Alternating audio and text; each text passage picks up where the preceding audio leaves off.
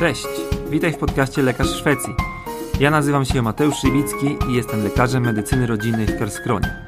Na łamach tego podcastu oraz na mojej facebookowej grupie przybliżam Ci realia pracy i życia lekarza po drugiej stronie Bałtyku oraz pomagam Ci w emigracji. Witamy wszystkich. Startujemy z kolejnym odcinkiem Lekarza w Szwecji. Tym razem temat dermatologia. Ze mną razem na scenie Karolina. Cześć Karolina. Cześć. Poproszę Cię na początek, żebyś się przedstawiła i opowiedz, jak to się stało, że jesteś w tym punkcie kariery, w którym jesteś i jak to się stało, że jesteś w Szwecji. Dziękuję bardzo za zaproszenie, Mateusz. E, I witam wszystkich, którzy nas oglądają dzisiaj. E, nazywam się Karolina Wojewoda i mieszkam w Jeteborgu, drugie największe miasto w Szwecji. E, I troszeczkę, mam troszeczkę łatwiejszą drogę tutaj, bo wiem, że większość z Was może E, przyjeżdża tutaj już będąc lekarzami w Polsce. Ja wyjechałam do Szwecji mając 17 lat, e, ponieważ mój tata tutaj mieszka, do mojego miasteczka w Blekingie, e, ko koło Mateusza. Jak się okazało. E, tak, tak się okazało.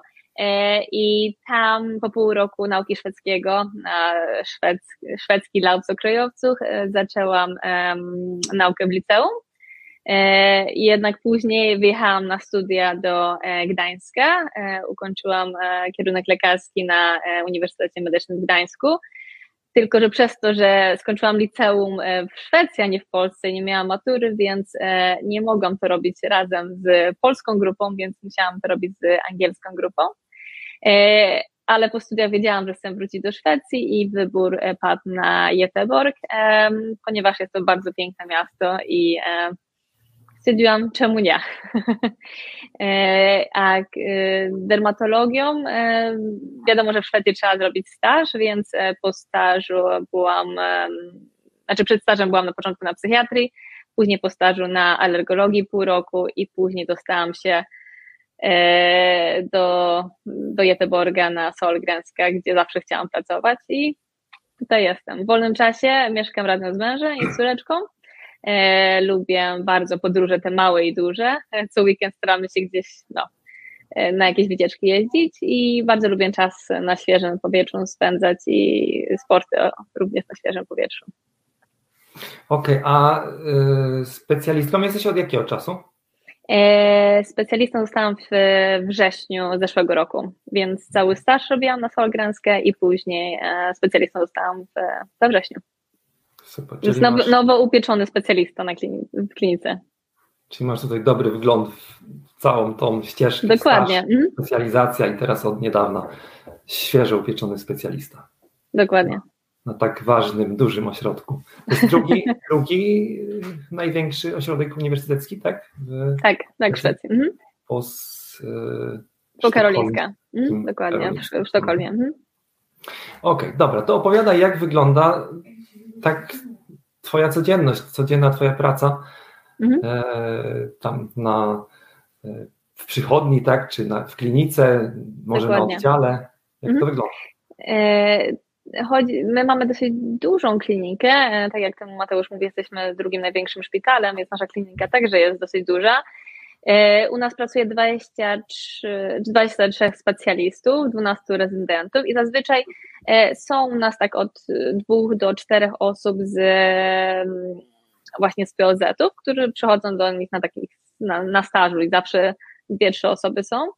E, my nie mamy żadnego oddziału, bo oddział zamknęliśmy trzy lata temu ze względu na to, że stwierdziliśmy, że nasi pacjenci nie potrzebują oddziału. Wiadomo, mamy jedno miejsce, gdyby coś się działo, pacjenci w jakichś gorszych stanach, to możemy pożyczyć miejsce od naszych e, kolegów z reumatologii i położyć pacjentów. Jednak mamy tylko e, przychodnie, która jest podzielona, jest to bardzo fajnie, bo zazwyczaj przed południem jest się na innej przychodni, po południu na czymś innym, więc E, to też się troszeczkę różni, jeżeli jesteś e, rezydentem, a inaczej, kiedy jesteś specjalistą. E, te różne przychodnie. Dokładnie. Mhm. Okej, okay, dobra. To teraz opowiedzmy trochę o tym, jak to jest podzielone, bo bardzo dużo takich podstawowych rzeczy tych dermatologicznych robi tutaj POZ w Szwecji, tak? To może się Dokładnie. trochę chyba różnić od tej rzeczywistości polskiej. I opowiedzmy trochę o tym, jakich pacjentów dopuszczacie jakby do waszej kliniki, gdzie mhm. przechodzi ta granica, co z waszej perspektywy powinno być zrobione w POZ-cie, y, jak wygląda ta współpraca między tymi dwoma instancjami, tak? Podstawowa mhm. opieka zdrowotna i specjalistyczna dermatologiczna. Dokładnie. Staramy się właśnie dlatego mieć tych rezydentów, żeby oni się jak najwięcej nauczyli, żeby też dalej tą e, naukę głosili na swoich przychodniach e, w kołozatach. E, u nas jest coś takiego, że codziennie e, do nas przychodzi około 100 skierowań właśnie z, z POZ-ów i e, my mamy dwóch specjalistów, którzy codziennie oceniają te te skierowania i e, tam, e, może później będziemy o tym rozmawiać, Mateusz, e, ale jakby to powiedzieć, poz w Szwecji robią bardzo dużo.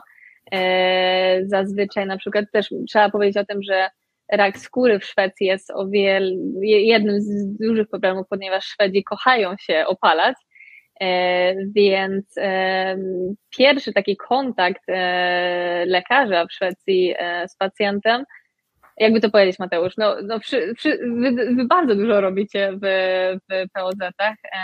Na przykład w Jeteborgu też się może trochę różni, ponieważ Jeteborg my jesteśmy bardzo nastawieni na raka skóry i u nas na przykład lekarze rodzinni też wymrażają drogowocenie słoneczne. E, nie, u ciebie wiem, Mateusz, wcześniej rozmawialiśmy, że tego nie robicie jeszcze, hmm. ale jeszcze nie, tak, dokładnie, tak dokładnie. jak mówiłaś, że być może to niedługo też zostanie e, przeniesione w kompetencje. Dokładnie.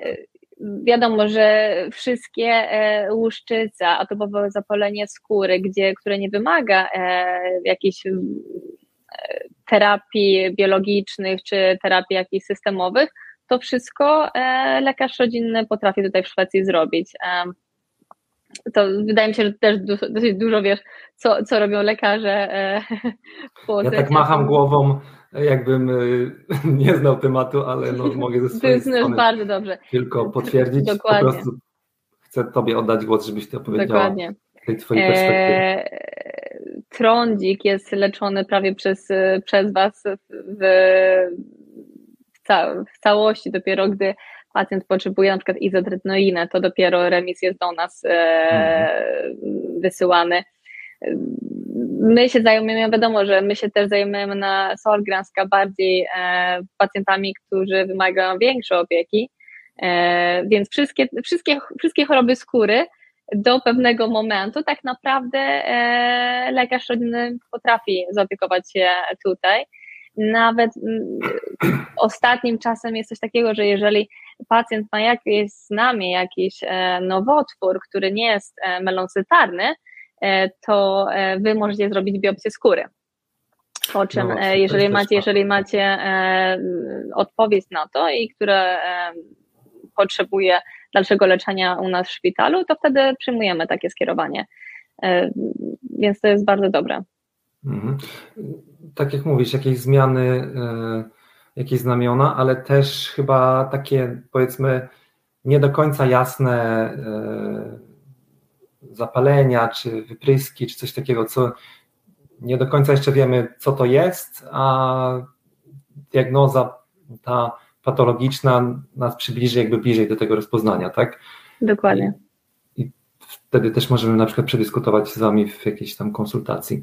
Dokładnie i wspólnie to dociągnąć do tego momentu, gdzie jeszcze te kompetencje są możliwe po stronie POZ-u, ewentualnie wy już sygnalizujecie nam, że no to już czas, żeby do nas wysłać. Dokładnie.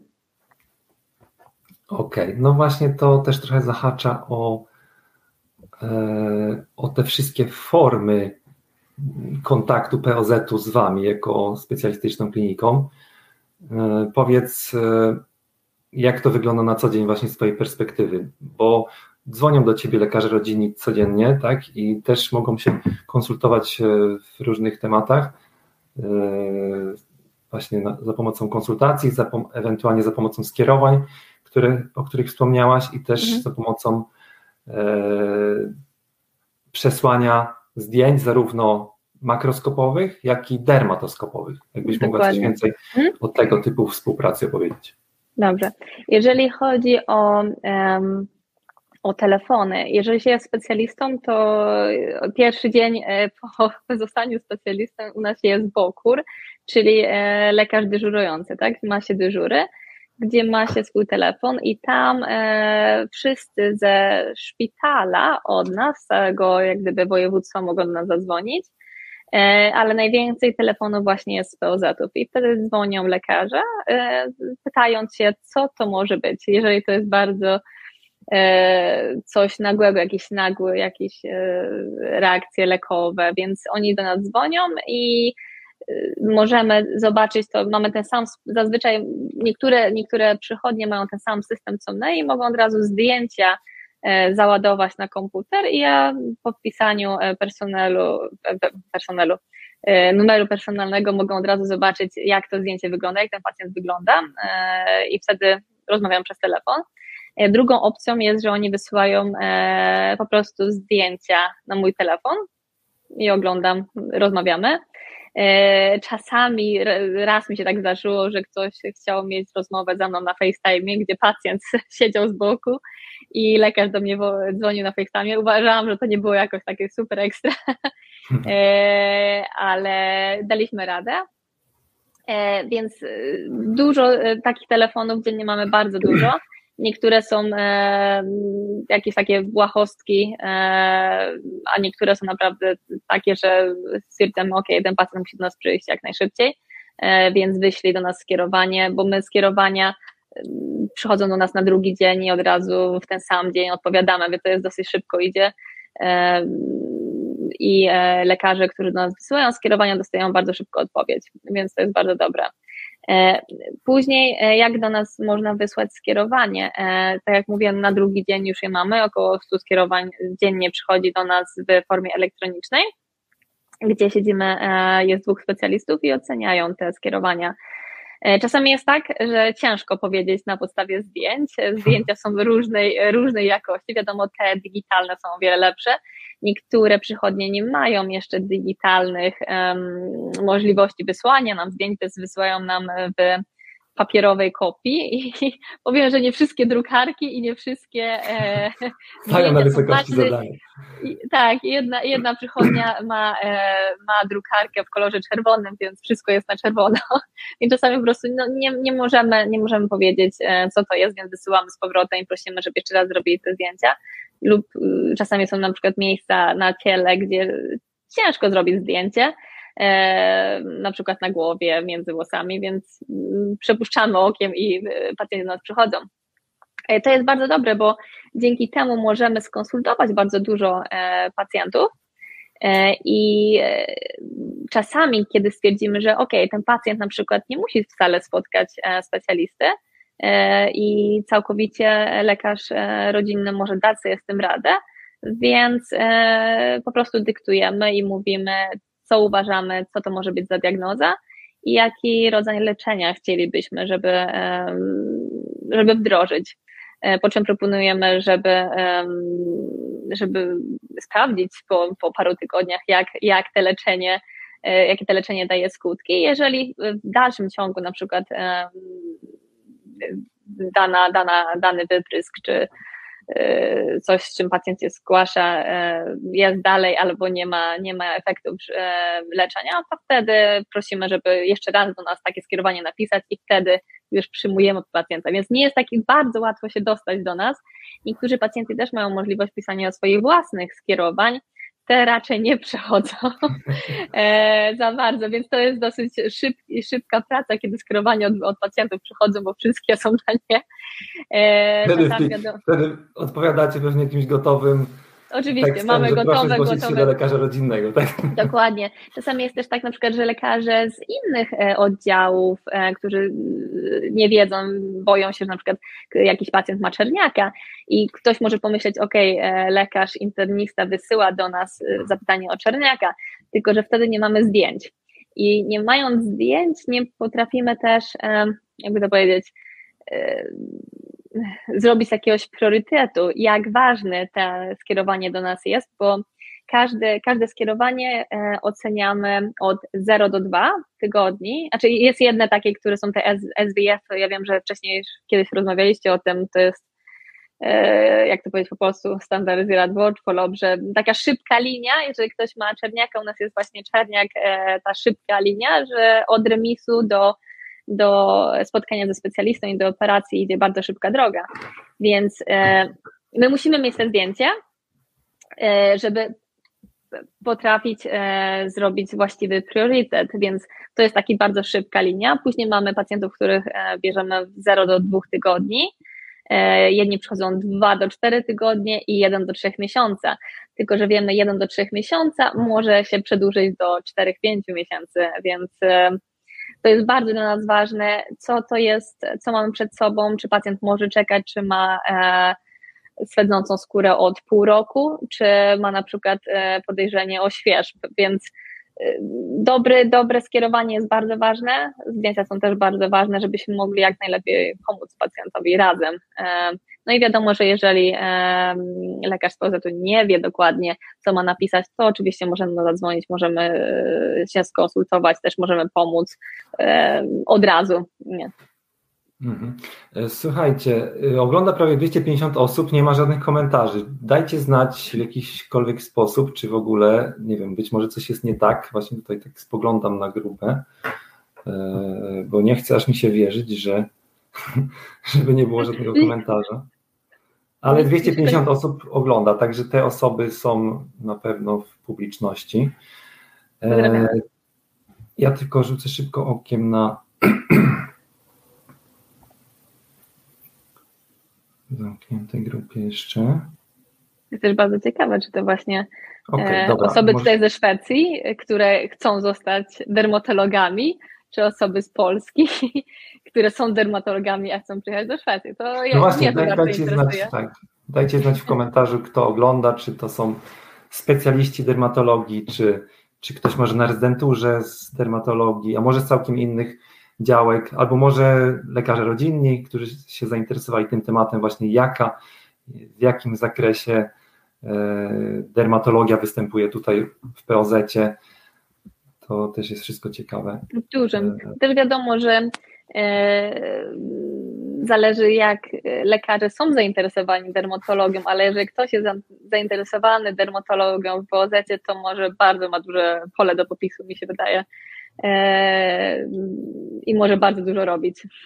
Okej, okay, komentarze ruszyły, czyli wszystko jest w porządku. Ktoś nawet skomentował, że zanim mówiliśmy z wrażenia, że tak łatwo jest lekarzowi rodzinnemu skonsultować się z dermatologiem. To może dlatego była taka cisza. To, to, jest zależy, to jest zależy jaki, jaki jest e, lekarz dyżurujący. Ja jestem należę do tych lekarzy dyżurujących, którzy są bardzo mili i zawsze mają czas i odpowiadają. Niektórzy mówią, nie, e, to wyślij do nas od razu skierowanie, na takie rzeczy nie mamy czasu, więc to zależy. Ja jestem, ja jestem nowa, więc jest jeszcze bardzo miła dla wszystkich, ale zazwyczaj moja klinika jest bardzo fajne osoby pracują i wszyscy są mili, więc e, staramy się odpowiedzieć. Wiadomo, że priorytet może mają to e, inne specjalizacje, osoby na przykład związane z pogotowia, tak, czy neonatolodzy, ale jeżeli mamy czas dla lekarzy właśnie z POZ-ów, to jasne. Mhm. A powiedz, jak wygląda takie idealne skierowanie? Co ty jako specjalista po tej stronie dermatologicznej oczekujesz ode mnie jako lekarza rodzinnego, że na tym skierowaniu się znajdzie? Czy to wystarczy, że napiszę tylko na przykład podejrzenie malignant melanom, znak zapytania i wyślę ci. Nie przejdzie. Nie przejdzie. Okej, okay. to nie. opowiadaj, co sobie życzysz, żeby na tym było i też jak sobie życzysz, żeby te zdjęcia wyglądały. No bo sytuacja z mm. tym, że ktoś ma w drukarce tylko czerwony tusz, no to rozumiem, to jest ekstremum i to jakiś wyjątkowy ośrodek zdrowia, Dokładnie. ale w większości tam 99% to podejrzewam, że te y, zdjęcia do Was lądują w formie multimedialnej, w jakimś tam wewnętrznym mhm. programie między Waszą kliniką a ośrodkami zdrowia na całe województwo takim samym programie i że Wy możecie bezpośrednio sobie te wszystkie szczegóły tam w dużej rozdzielczości obejrzeć. Oczywiście, jeżeli zdjęcie jest wykonane y, wyraźnie i prawidłowo. Także powiedz, co, co ma mhm. zawierać skierowanie, jak ma, jak ma wyglądać dokumentacja fotograficzna? Ja się śmieję, bo my już na, e, na studiach naszych studentów uczymy, jak idealne skierowanie do dermatologa powinno wyglądać i oni to nawet mają na swoim egzaminie. E, dwa, dwa takie skierowania. Ważne żeby... pytanie zadałem. Bardzo, oczywiście, to jest, to jest bardzo ważne. Wiadomo, że ja czasami, e, jak, jak, jeżeli pytasz się osobiście mnie, to skierowanie nie jest jakoś tak super ważne, ponieważ ja oglądam zdjęcia i patrzę się, co to jest za, za pytanie, więc no wiadomo, że anamneza, tak? Co to jest za pacjent, jak długo e, ma i co jest dla mnie ważne, zależy, może pomyślmy e, nowotwory skóry i wypryski, bo to są też całkowicie dwa różne tematy. Mhm. Jeżeli chodzi o wypryski, to to, co mnie interesuje, co w przychodni było stosowane, jakie leczenie zastosowaliście i jakie są efekty tego leczenia, bo jeżeli ktoś mi pisze, że stosowaliśmy e, maść z kortyzonem, to ja nie jestem bardzo zadowolona, ponieważ chciałabym wiedzieć, czy to jest oczywiście grupa pierwsza hydrokortyzon, czy grupa czwarta, tak, dermowody. Mhm. Nie wiem dokładnie, jak w Polsce się nazywają, e, e, wydaje mi się też dosyć podobne nazwy, więc to jest dla mnie ważne, tak, co było stosowane, oczywiście, czy są jakieś inne faktory, jeżeli chodzi o wypryski, tak? No i bo jeżeli chodzi o wypryski, to nie mamy, nie mamy, jakby powiedzieć, wymogu zdjęć. Mhm. Tego nie mamy, Mateusz. E, więc jeżeli chodzi o wyprysk, możesz po prostu tylko ładnie napisać i e, to jakoś przejdzie. Z tym się łatwiej dostać. E, jeżeli oczywiście jest jakieś coś bardziej nagłego, to staramy się jak najszybciej tych pacjentów um, przyjmować. Jeżeli chodzi ale, o no to. Hmm? Ale zdjęcie nie zaszkodzi, prawda? To zawsze nie. też ułatwi Zdjęcia. Wam zrozumienie mniej więcej o czym jest mowa w tekście i Dokładnie. czasami może być w tekście jedno opisane, tak może być zinterpretowane Dokładnie. przez tego doktora, a zdjęcie może Dokładnie. wyglądać całkiem inaczej, prawda? Dokładnie. No ale wiadomo jak długo, jakie leczenie było stosowane, co polepsza, co pogarsza. Eee, oczywiście jakieś diagnozy, który, który sam lekarz podejrzewa. Podejrzewa, tak?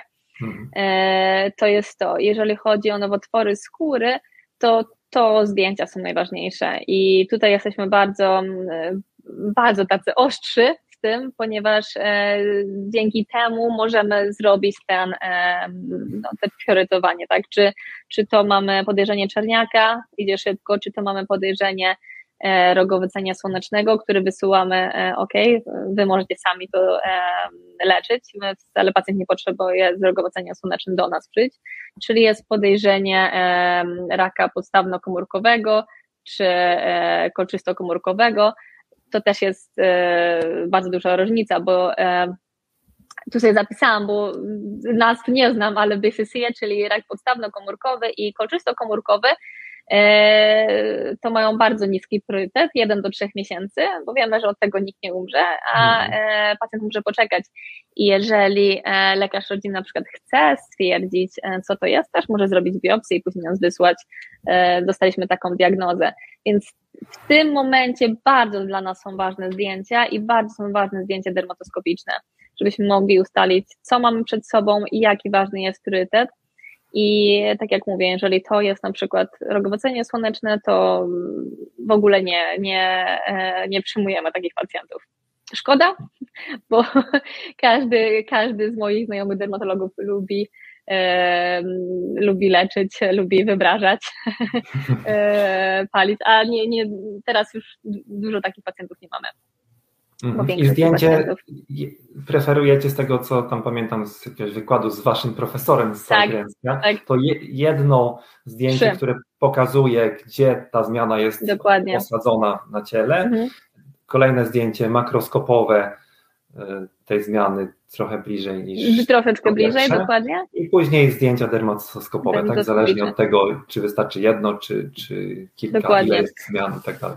I tu jest bardzo, bardzo ważne, żeby też używać bardzo dużo um, alkoholu, tak? jakieś do tego zdjęcia, żeby, żeby ja, zdjęcie było jak, najwie, jak największej, e, jak największa e, jakość, tak? Tego zdjęcia była dobra. Czyli chodzi Ci o tą imersję, tak? Czy to, co dokładnie, się nakłada na dokładnie. ten mhm, dermatoskop? Dokładnie. Aha. I żeby oczywiście był fokus, bo czasami mam takie zdjęcia, że ok, fokus całkowicie nie jest na nowotwór, tylko na, na włosy czy na coś innego, więc mhm. e, mm. No właśnie i powiedzmy jeszcze, po, powtórzmy jeszcze to, co tutaj jest w zasadzie oczywistością dla nas, że każdy ośrodek zdrowia jest wyposażony w dermatoskop, który można Dokładnie. podłączyć do tam iPhone'a czy do telefonu za pomocą takiego tam jakiegoś stabilizatora magnetycznego mhm. i dzięki temu można te zdjęcia właśnie bezpośrednio na tym telefonie zgromadzić i z tym telefonem się biegnie do pani sekretarki. Ja tak ze swojej tutaj perspektywy już ośrodka zdrowia i sekretarka przekłada te zdjęcia do tego systemu, w którym właśnie wy urzędujecie i równolegle leci te, to skierowanie i wtedy możecie sobie odczytać skierowanie i obejrzeć również zdjęcia. Dokładnie. E, czasami też jest tak, czasami żal mi jest bardzo lekarzy rodzinnych, ponieważ jeżeli zdjęcie nie jest doskonałe, to e, wysyłam po prostu takie skierowanie z powrotem, prosimy, żebyście zrobili jeszcze raz to zdjęcie i dopiero kiedy mamy dobre zdjęcie, e, przyjmujemy te skierowanie. Czasami jest tak, jeżeli nie jesteśmy w 100% pewni, to po prostu przyjmujemy pacjenta, ale wysyłamy bardzo miły list z taką standardową procedurą, jak można polepszyć e, robienie zdjęć. Więc to, to, to zazwyczaj e, dostają e, lekarze rodzinni. Dokładnie. No i przy, przy okazji za którymś razem się już nauczą albo prawidłowo Dokładnie, zrobią, tak, mamy, taką, ta... mamy taką nadzieję, dokładnie. Też nie możemy nigdy zapominać, że w Szwecji jest bardzo dużo nacisk na lekarzy rodzinnych, e, co ty Mateusz najlepiej wiesz. I e, zazwyczaj to jest milion innych problemów i na koniec na przykład pacjent wspomina o jakimś wyprysku czy jakiejś zmianie nowotworowej i wtedy jest troszeczkę stres, żeby zrobić te zdjęcie, bo wiadomo nie każdy ma pielęgniarkę podłączoną, tak jak ty mówisz, do swojego do swojej przychodni, która może przyjść i zrobić zdjęcia i czasami trzeba to robić samemu. I no, no oczywiście wiemy o tym, ale czym, czym więcej informacji e, każdy dostaje, tym lepsze te skierowania są i mi się wydaje, że szybszy e, jakiś taki e, przebieg możemy tego robić i lepszy, lepsze leczenie dla naszych pacjentów. Mhm. No tak, te zdjęcia wykonujemy sami, to mogę od razu powiedzieć, że to no, dokładnie. w 100% mm. wykonujemy sami i nawet może lepiej, no bo jak wiemy na co zwrócić uwagę, no to dokładnie. tutaj się kierujemy konkretnie według tych instrukcji, które wy nam dajecie, jak mm. to ma być wykonane. Oczywiście nie każdy lekarz rodzinny pewnie akurat yy, ma takie jakieś szczególne zainteresowanie dermatologią, no bo tutaj tematy są tak szerokie, że, że, nie da się wszystkiego idealnie yy, robić, ale na pewno się staramy jak możemy i yy, no tak jak mówisz, czasami gdzieś tam ten pacjent pokaże to znamie na koniec, ale jeżeli mamy takie szybkie kliniczne oko, to też czasami możemy sobie w miarę szybko ocenić, czy to w ogóle jest coś, co jest potrzebne na szybko, czy na przykład możemy mm. też poprosić pacjenta, żeby jednak zabukował e, jakąś kolejną wizytę tydzień później i na spokojnie dokładnie, sobie obejrzymy dokładnie. na osobnej wizycie, tak? To co powiem, co nie jest też jakoś tak fajne, jeżeli tu jest dużo lekarzy e, z POZ-ów, którzy nas słuchają, którzy pracują w Szwecji, jest to, że czasami kiedyś tak było, że e, dużo pacjentów przychodziły na kontrolę całego ciała. Takiego czegoś już nie ma. E, pacjenci z czerniakiem oczywiście e, obowiązują program narodowy, który tam przychodzą nas raz, raz na rok przez trzy lata, ale później już mówimy do widzenia i ci pacjenci przechodzą do POZ-ów i jeżeli pacjent ma bardzo, bardzo dużo jakichś zmian, niekoniecznie nowotworowych, i lekarz rodzinny nie jest w 100% pewny, co jest co i chce wysłać nam zdjęcie, żebyśmy ocenili całe ciało, e, to takie coś nie przychodzi. E. Maksymalnie cztery, cztery, cztery jakieś znamiona, oczywiście jak jest więcej, to też na to inaczej patrzymy, ale takie skierowanie, że dziękujemy, pacjent się boi, że może mieć czarniaka i chciałby kontrolę skóry, to nie przejdą. No tak, no ciężko, bardzo. żeby tyle materiału fotograficznego dokładnie. przesyłać wam całego ciała. To, też, no to, to dokładnie. Prak, sama praktyka. Mm. Natomiast zazwyczaj jest, jeżeli nawet ma dużo tych zmian, to jest jakiś tam taki, jak to się nazywa pięknie, mm. ugly duckling. Dokładnie. Brzydkie kaczątko, no i wtedy można się nakierować na te znamiona, które tak jakby najbardziej się wyróżniają spośród tej całej Dokładnie. Mapy kropek. Mm. A wiadomo, czasami jest tak, że pacjent przychodzi z powodu jednej, jednej jakiejś zmiany, a się okazuje, że ma trzy inne nowotwory, więc... No więc właśnie. Tak. Także dobrą to praktyką... też jest czasem problem. Tak, dobrą praktyką w, w POZ jest tak naprawdę według wszelkich prawideł obejrzeć wtedy całe ciało, tak? I Dokładnie. to wiem, że rekomendujecie. No nie zawsze to jest możliwe w, w rzeczywistości POZ-u, ale jak na przykład pacjent się za, e, zabukuje konkretnie na mhm. hood Verendring, czyli Dokładnie. jakieś tam znamie, które chce, żebyśmy mhm. obejrzeli i mamy na niego w idealnym świecie, powiedzmy, przeznaczone 20 czy nawet tam 30 minut, no to wiadomo, że możemy sobie spokojnie na to wtedy pozwolić. To na Dokładnie. pewno zależy od ośrodka, zależy od od momentu, od sytuacji, od tego, jak wygląda mm. pozostały nasz schemat i czasami, albo nawet często jest to również całkiem możliwe. Mm. Okej, okay, Karolina, to powiedz jeszcze, e, jak to wygląda, bo wiem, że u Was na, e, czy ogólnie na dermatologicznych, w dermatologicznych przychodniach też pielęgniarki przyjmują własnych pacjentów.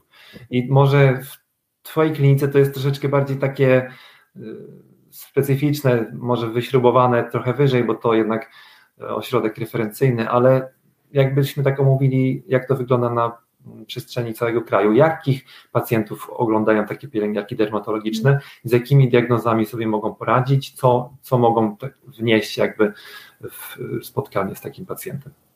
Dokładnie. Nie wiem, czy wszyscy widzowie wiedzą, ale u nas e, mamy i pielęgniarki, i podpielęgniarki. Jeżeli chodzi o dermatologię, moją klinikę tak naprawdę dużo się nie różni, e, co one robią, e, bo czasami pielęgniarki, podpielęgniarka robi tak naprawdę to samo. E, jedynie co pielęgniarka u nas robi, to jeżeli jesteśmy na wenerologii, to może da, dawać jakieś tam iniekcje, tak, e, zastrzyki a tak naprawdę to dużo się, bo wiadomo, że jeżeli e, są jakieś oddziały, to wtedy ta różnica między pielęgniarką a pielęgniarką jest bardzo duża. E, nasze pielęgniarki są naprawdę bardzo fantastyczne i każdy lekarz do każdej przychodni mamy zawsze jedną pielęgniarkę albo podpielęgniarkę ze sobą, więc ona nam, jeżeli zacznę od tego, co, co nam pomagają, a później zaraz przejdę, co one same robią, więc e, lekarz, jak chodzi do pacjenta, to pacjent już jest e, rozebrany w takim bardzo ładnym, e, jakby powiedzieć, szlafroczku. Ubranku. Tak, ubranku takim. I pielęgniarka zazwyczaj jest z nami podczas wizyty, widzi, co my robimy, oglądamy całe ciało i od razu mówimy, ok, pacjent ma cztery takie nowotwory, będziemy robić to, to i to, więc pielęgniarka od razu jest z nami i asystuje nam. E, po czym zazwyczaj my bardzo lubimy zdjęcia, więc zdjęcia e, przed każdym, leczeniem jakiegoś nowotworu, e, później jeżeli wysyłamy go do badania histopatologicznego, to robimy te zdjęcia tak samo jak wszystkie wypryski, żeby sprawdzić później jak, jak leczenie reaguje, więc pielęgniarki pomagają nam z tymi zdjęciami. Jeżeli chodzi co nasze pielęgniarki robią same, to znale, tak jak ty mówisz Mateusz, my mamy bardzo dużo różnych takich specyficznych przychodni i e, nasze pielęgniarki na przykład na wenerologii, zacznę, bo mamy e, cztery różne oddziały, więc zazwyczaj zacznę od dołu, żeby pamiętać na wenerologii. Pielęgniarki bardzo dużo robią, spotykają wszystkich pacjentów, którzy na przykład nie mają w ogóle żadnych takich symptomów, biorą wszystkie, robią wszystkie badania, gdzie też sami mogą na przykład, ojejku, tego, to, tego nie wygooglowałam, jak jest kondylom po polsku. Kłóciny, dokładnie. To, czyli Kłóciny, dokładnie. To kłóciny, jeżeli lekarz diagnozuje kłóciny, to, to e, pielęgniarka może je e, Usunąć? wymrozić, tak. Aha, wymrozić. To może zrobić, zrobić pielęgniarka. E, I wszystkie też posiewy, tak, takie mikrobiologiczne tego typu. To znaczy? E, jakieś pobranie takich próbek bakteriologicznych. Tak, tak, to, to, tak to, to, to większość pacjentów też sami to robią, więc e, ale to tak, to oczywiście, to pielęgniarki, podpielęgniarki też to samo robią. E, więc to na weronologii oni robią później. Operacja ma, oczywiście pielęgniarki po operacji mają takie swoje własne przychodnie i patrzą, jeżeli coś się dzieje po operacji, pomagają mm, zmieniać opatrunki. Później mamy nadpotliwość. Niektóre pielęgniarki same potrafią e, robić injekcję botoksu na, na, na, na potliwość. niektóre usuwają włosy przy nadmiernym owłosieniu. Mamy pielęgniarki, które są bardziej wyspecjalizowanie na przykład w łuszczycy i u nas jest coś takiego, że jeżeli mamy łuszczycę e, na leczeniu biologicznym, e, to pacjent przychodzi do nas, jeżeli badanie, znaczy jeżeli leczenie jest e, dobre i pacjent reaguje bardzo dobrze, to mamy kontrolę raz co, do, co, co rok i jeden rok lekarz spotyka pacjenta, drugi rok spotyka pielęgniarka pacjenta. Więc to jest taki work shifting. Tak samo może będzie z atopowym zapaleniem skóry. E, przy mhm. trądziku o leczeniu izodretnoiną e, lekarz spotyka pacjenta raz tylko, e, wdraża leczenie i później e, pacjenta spotykamy po czterech miesiącach i to właśnie pielęgniarka spotyka tego pacjenta, oczywiście robi zdjęcia, wywiad, jeżeli coś, coś, coś jest nie, nie, nie pomyśli leczenia, to oczywiście e, my dostajemy e, karteczkę, że mamy skontaktować się z pacjentem. Tak samo jest właśnie przy łuszczycy i przy atopowym zapaleniu skóry. Więc e, pielęgniarki też mają swoją tak jak gdyby szkołę atopowego zapalenia skóry, gdzie pacjenci do nich przychodzą, oni ich smarują oczywiście, więc bardzo dużo ro, robią i mają swoje po prostu swoje własne tak jak gdyby przychodnie, żeby nas jakoś troszeczkę odciążyć. A naświetlania tymi promieniami UVA, UVB? pielęgniarki wszystko robią, dokładnie. No, dzięki, że to mi przypomniałeś, dokładnie. Mhm. Okej, okay. jeszcze mi przychodzi do głowy, mm, jak to po polsku było, actinis keratos, to jest no rogowacenie, rogowacenie słoneczne. Tak? To czy pielęgniarki też to samo jakieś tak, wymrażają dokładnie. albo stosują jakieś leki w maściach na to, czy jak to wygląda? Dokładnie, znaczy jedynie leki w maściach to nie, bo to jest wszystko na recepty, jedynie co mamy fotodynamiczną terapię, to wtedy e, pielęgniarki zdrapują PDT, nie wiem Mateusz, e, zdrapują na, na, górny, górny, górne rogowacenie, e, później nakładają krem i taki pacjent właśnie z nimi idzie do tej fototerapii. Zazwyczaj, tak jak mówię, rogowacenie słoneczne rzadko się u nas spotyka. Oczywiście, jeżeli pacjent jest po transplantacji i przychodzi do nas rok co rok i wtedy wiadomo, jest bardzo dużo nowotworów, to wtedy e, oczywiście jakby było coś jakieś takie jedno malutkie jakieś znamiona, to wtedy taka pielęgniarka może to zrobić tak samo, jak i e, rak e, podstawno-komórkowy i płasko-nabłonkowy, jeżeli jest, na, nie mówię o, e, o, nie mówię o twarzy, ale mówię na ciele, to pielęgniarki też same potrafią e, je leczyć. Zeskrobać i wymrozić, tak? Dokładnie, tak, mhm, dokładnie. Okej, okay, dobra. E, to chyba tyle o pielęgniarkach. To jeszcze powiedz, e, bo lekko chyba o to zahaczyłaś, wspomniałaś, że wy nie macie żadnych miejsc e, hospitalizacyjnych, takich swoich Dokładnie. własnych łóżek, ewentualnie jeżeli bardzo potrzeba, to pożyczacie od jakiejś innej kliniki. Mhm. jak to działa, że wy nie potrzebujecie żadnych Dokładnie. łóżek? W Polsce to chyba jest bardzo popularne, żeby kłaść pacjenta Dokładnie. w szpitalu na dermatologii, tak? Mhm. Tak jest i my, jak ja zaczynałam właśnie e, mój staż tutaj, to mieliśmy pięć miejsc. E, pięć miejsc i to było tak, że pacjenci byli u nas od poniedziałku do piątku.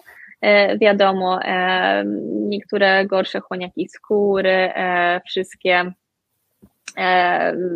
choroby pęcherzowe, jakieś takie gorsze łuszczyce, to pacjenci, którzy no, potrzebowali, mieli może jakieś też inne choroby, byli hospitalizowani, ale w piątek zawsze mówiliśmy im do widzenia.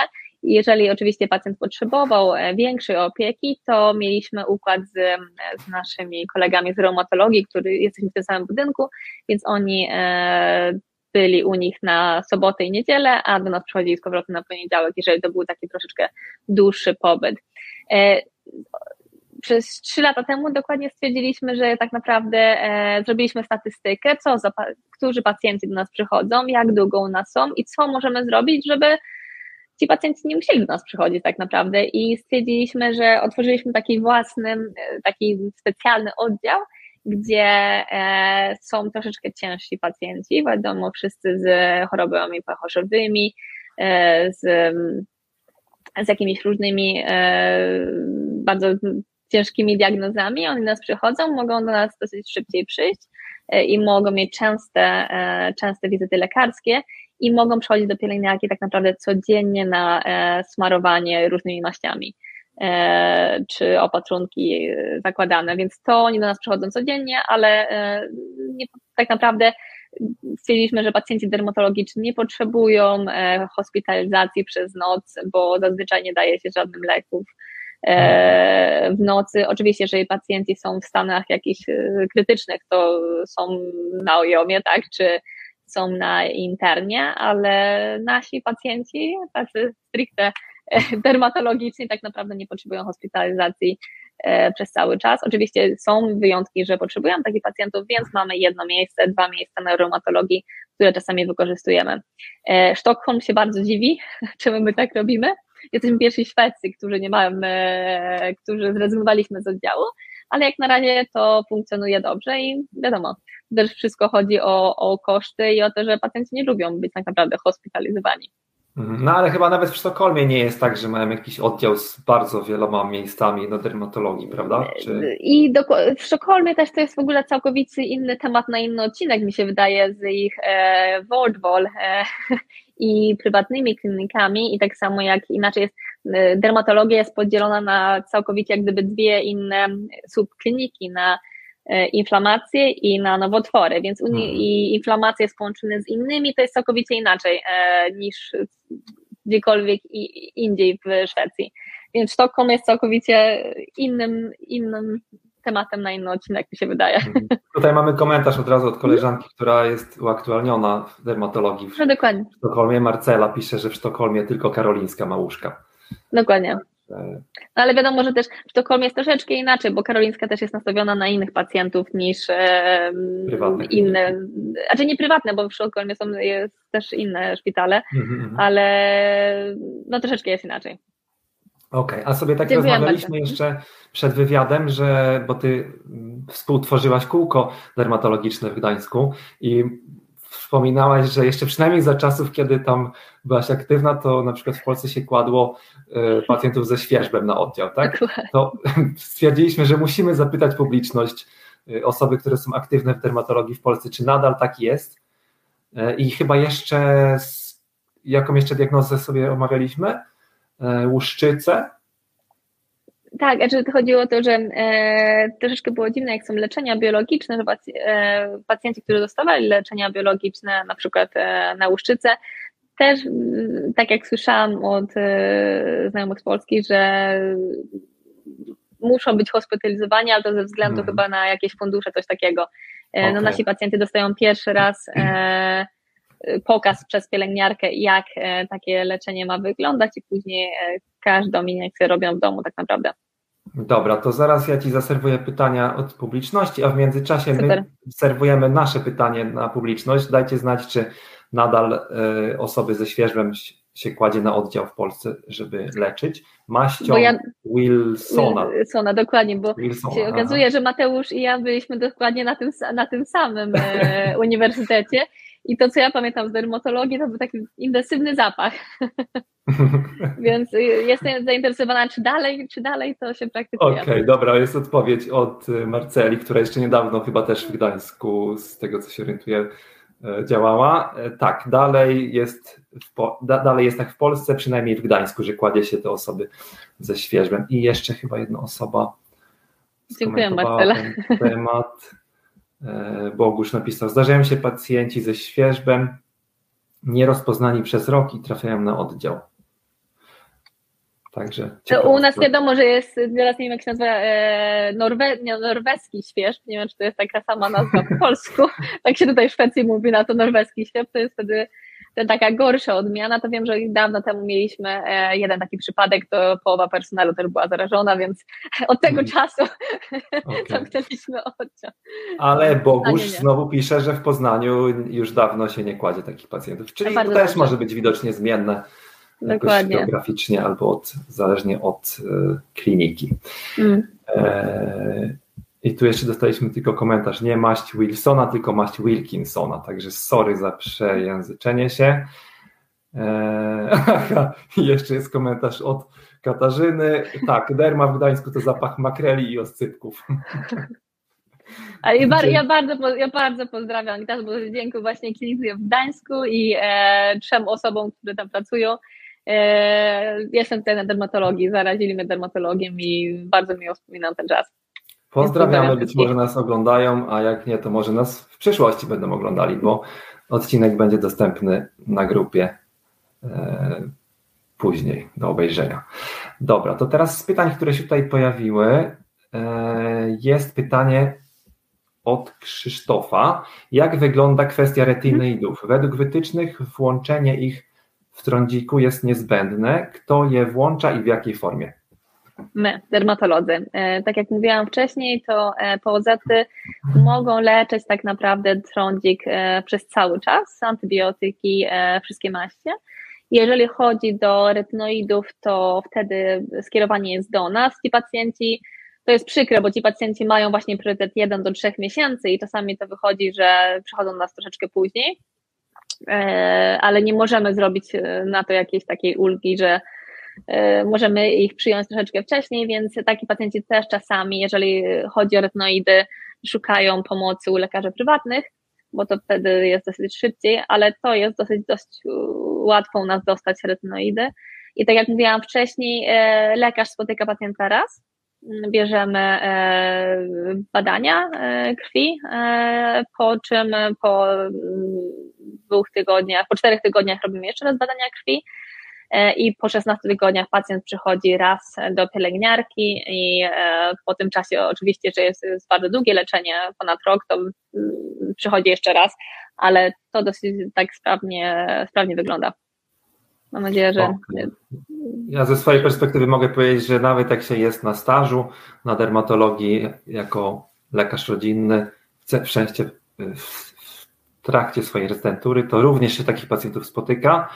E, natomiast oczywiście nie możemy wypisać recepty, bo to jest preparat specjalistyczny, Dokładnie. ale możemy tych pacjentów kwalifikować i też sobie mniej więcej ustawić taki próg tego wyczucia, gdzie mm. jest ten moment, w którym należy kierować tych, tych pacjentów z trądzikiem do Was, jakby kiedy to leczenie Dokładnie. retynoidami może być aktualne, a kiedy jeszcze być może możemy poleczyć jakimiś słabszymi preparatami właśnie w POZ. Tu w Szwecji jest coś takiego, że maksymalnie dwa razy można e, antybiotyk, antybiotykoterapię wdrożyć i po tym już staramy się właśnie e, włączyć retinoidy. Mhm. E, jest pytanie o specjalizowanie się. Czy jest, Jakub pyta, czy jest dużo mhm. miejsc na specjalizację z dermatologii, czy jest stosunkowo łatwo się dostać? To jest tak jak na całym świecie, Jakubie, jest ciężko. E, te pytanie to dałam właśnie mojemu szefowi. E, dziś, dzisiaj zapytałam, jak to jest, bo on zawsze mówi, że my jesteśmy, jesteśmy wybrani, tak, i się mamy się bardzo cieszyć, że jesteśmy tutaj e, na dermatologii na Solgrenska. Zazwyczaj jest około 35-50 osób rocznie, które się ubiegają o specjalizację. My jesteśmy stosunkowo bardzo młodą kliniką, więc dużo osób na emeryturę nie idzie, ale e, czasami teraz na przykład e, dwóch nowych specjalistów odchodzi, więc to się zmienia. Więc jeżeli się ma, czy jest na przykład, jesteście właśnie z Polski chcecie się dostać tutaj, więc trzeba po prostu próbować, bo tu nie ma żadnych jakichś egzaminów, żeby dostać się na dermatologii, tak jak w Polsce, tylko trzeba po prostu mieć szczęście. I mhm. kontakty. Czasami nie żartuję. Ok, jeszcze jest taki jakiś rozbudowany komentarz, pytanie. Martyna pyta, e, jako młody lekarz przed specjalizacją dorabiający sobie w POZ czekam na wypowiedzi fachowe dermatologa, który e, zawraca oczkami w przypadkach skierowań do właśnie niego, bo przecież sam byś mógł poradzić sobie z tym w tej przychodni ogólnej. Aha, czyli jakby tutaj takie trochę wyrzucenie swojej frustracji, że mm. e, niekoniecznie to może jest, e, te wszystkie skierowania są akceptowane. Chyba, chyba o to chodzi, ja to tak rozumiem, chyba, że ty jakoś inaczej. Pytanie właśnie Martyna, czy ty jesteś tutaj e, w Szwecji, czy jesteś w Polsce, to nie no wiem, właśnie, czy to, to też może być to, ciekawe. to jest pytanie. Wiadomo, że troszeczkę może to się też różnić między e, uniwersyteckim e, szpitalem, a szpitalem w jakiejś innej klinice.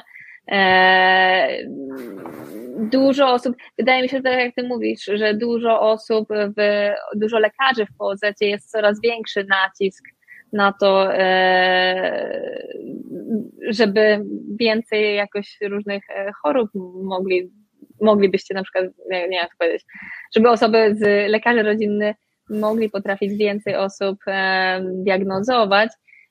My przez to, że właśnie te remisy, te skierowania do nas przychodzą w formie elektronicznej i zdjęciowej, możemy od razu dać odpowiedzi, więc nie chodzi o to tylko, że odrzucamy wszystko. To nie jest tak, że my to odrzucamy. Jeżeli możemy e, dać diagnozę na podstawie zdjęć i remisu, to po prostu mówimy, co e, taki lekarz może zrobić i jak może leczyć pacjenta bez tego, że musi do nas przychodzić i spotkać e, lekarzy specjalistów. Więc wydaje mi się, że, że to jest bardzo dobre. Mhm, mhm. Bo pacjenci wtedy nie muszą długo czekać, żeby do nas przyjść i mogą dostać o wiele szybszy czas u lekarza rodzinnego. Ale to wydaje mi się, że się różni w całej Szwecji, troszeczkę w Göteborgu może być e, troszeczkę inaczej w tych dużych e, klinikach. Okej, okay. i myślę, że ostatnie pytanie. E, Marcela pyta, a wiem, że Marcela jest też w dermatologii, siedzi i to w Sztokholmie. Czy możesz powiedzieć, co najbardziej liczy się w rekrutacji na specjalizację?